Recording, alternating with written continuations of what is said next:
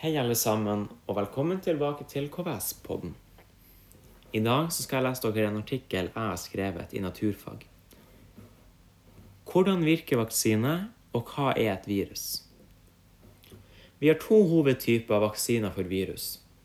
Den ene gruppa er mRNA-vaksine, mens den andre er vektorvaksine. I denne artikkelen skal vi ta for oss de her to, og se hva de består av, og hvordan de virker. I tillegg skal vi se på vaksiner for bakterier.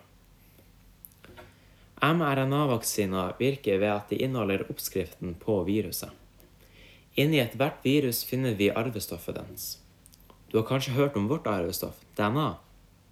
Virus inneholder ofte noe som heter RNA, og forskjellen på dem to er at DNA inneholder to strenger med sukkerfosfat, mens RNA inneholder kun én.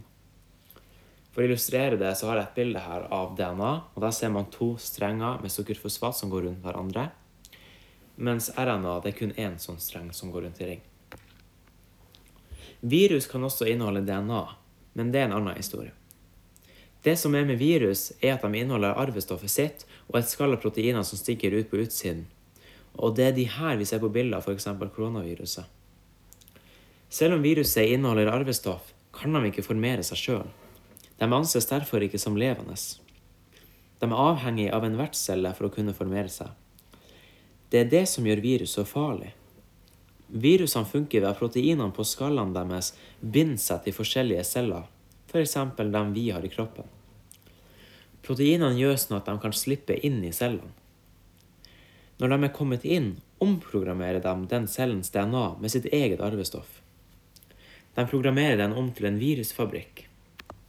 Cellen bruker da viruset sitt DNA eller RNA og jobber på spreng med å lage nye virus. Til slutt er cella så full av virus at den sprikker, og da slipper de nye virusene ut og er klar til å infisere nye vertsceller. At virusene trenger noe annet levende for å formere seg, gjør dem til parasitter. Når et vanlig virus kommer inn i kroppen, oppdager immunforsvaret det, og celler i immunforsvaret har spist dem opp. Hvite blodceller. Deretter lærer de resten av immunforsvaret hvordan de skal kjenne igjen proteinene på viruset. Immunforsvaret lager da proteiner som binder seg til virusene.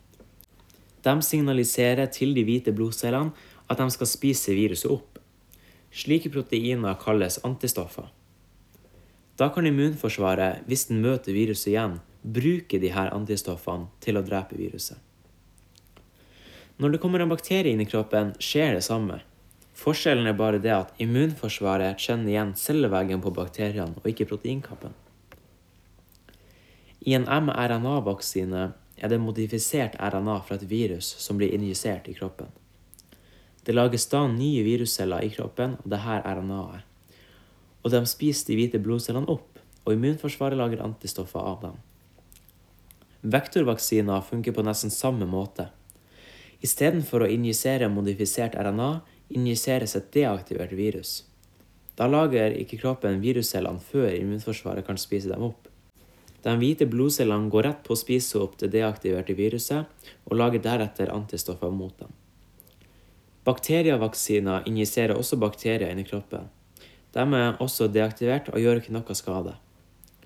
Immunforsvaret lokaliserer bakteriene, og hvite blodceller spiser dem opp. Og immunforsvaret lærer seg deretter å kjenne igjen celleveggen deres. For å oppsummere. Virus er altså parasitter som er avhengige av en vertscelle for å overleve. Vaksiner funker ved å på en eller annen måte få immunforsvaret til å kjenne igjen hvilken proteinkappe et virus har, eller cellevegg en bakterie har, slik at de kan lage antistoffer mot dem og beskytte oss mot virus eller bakterier i framtida. Tusen takk for at du lytta til artikkelen min. Du kan nok lese den på Rognsund Dagblad i framtida.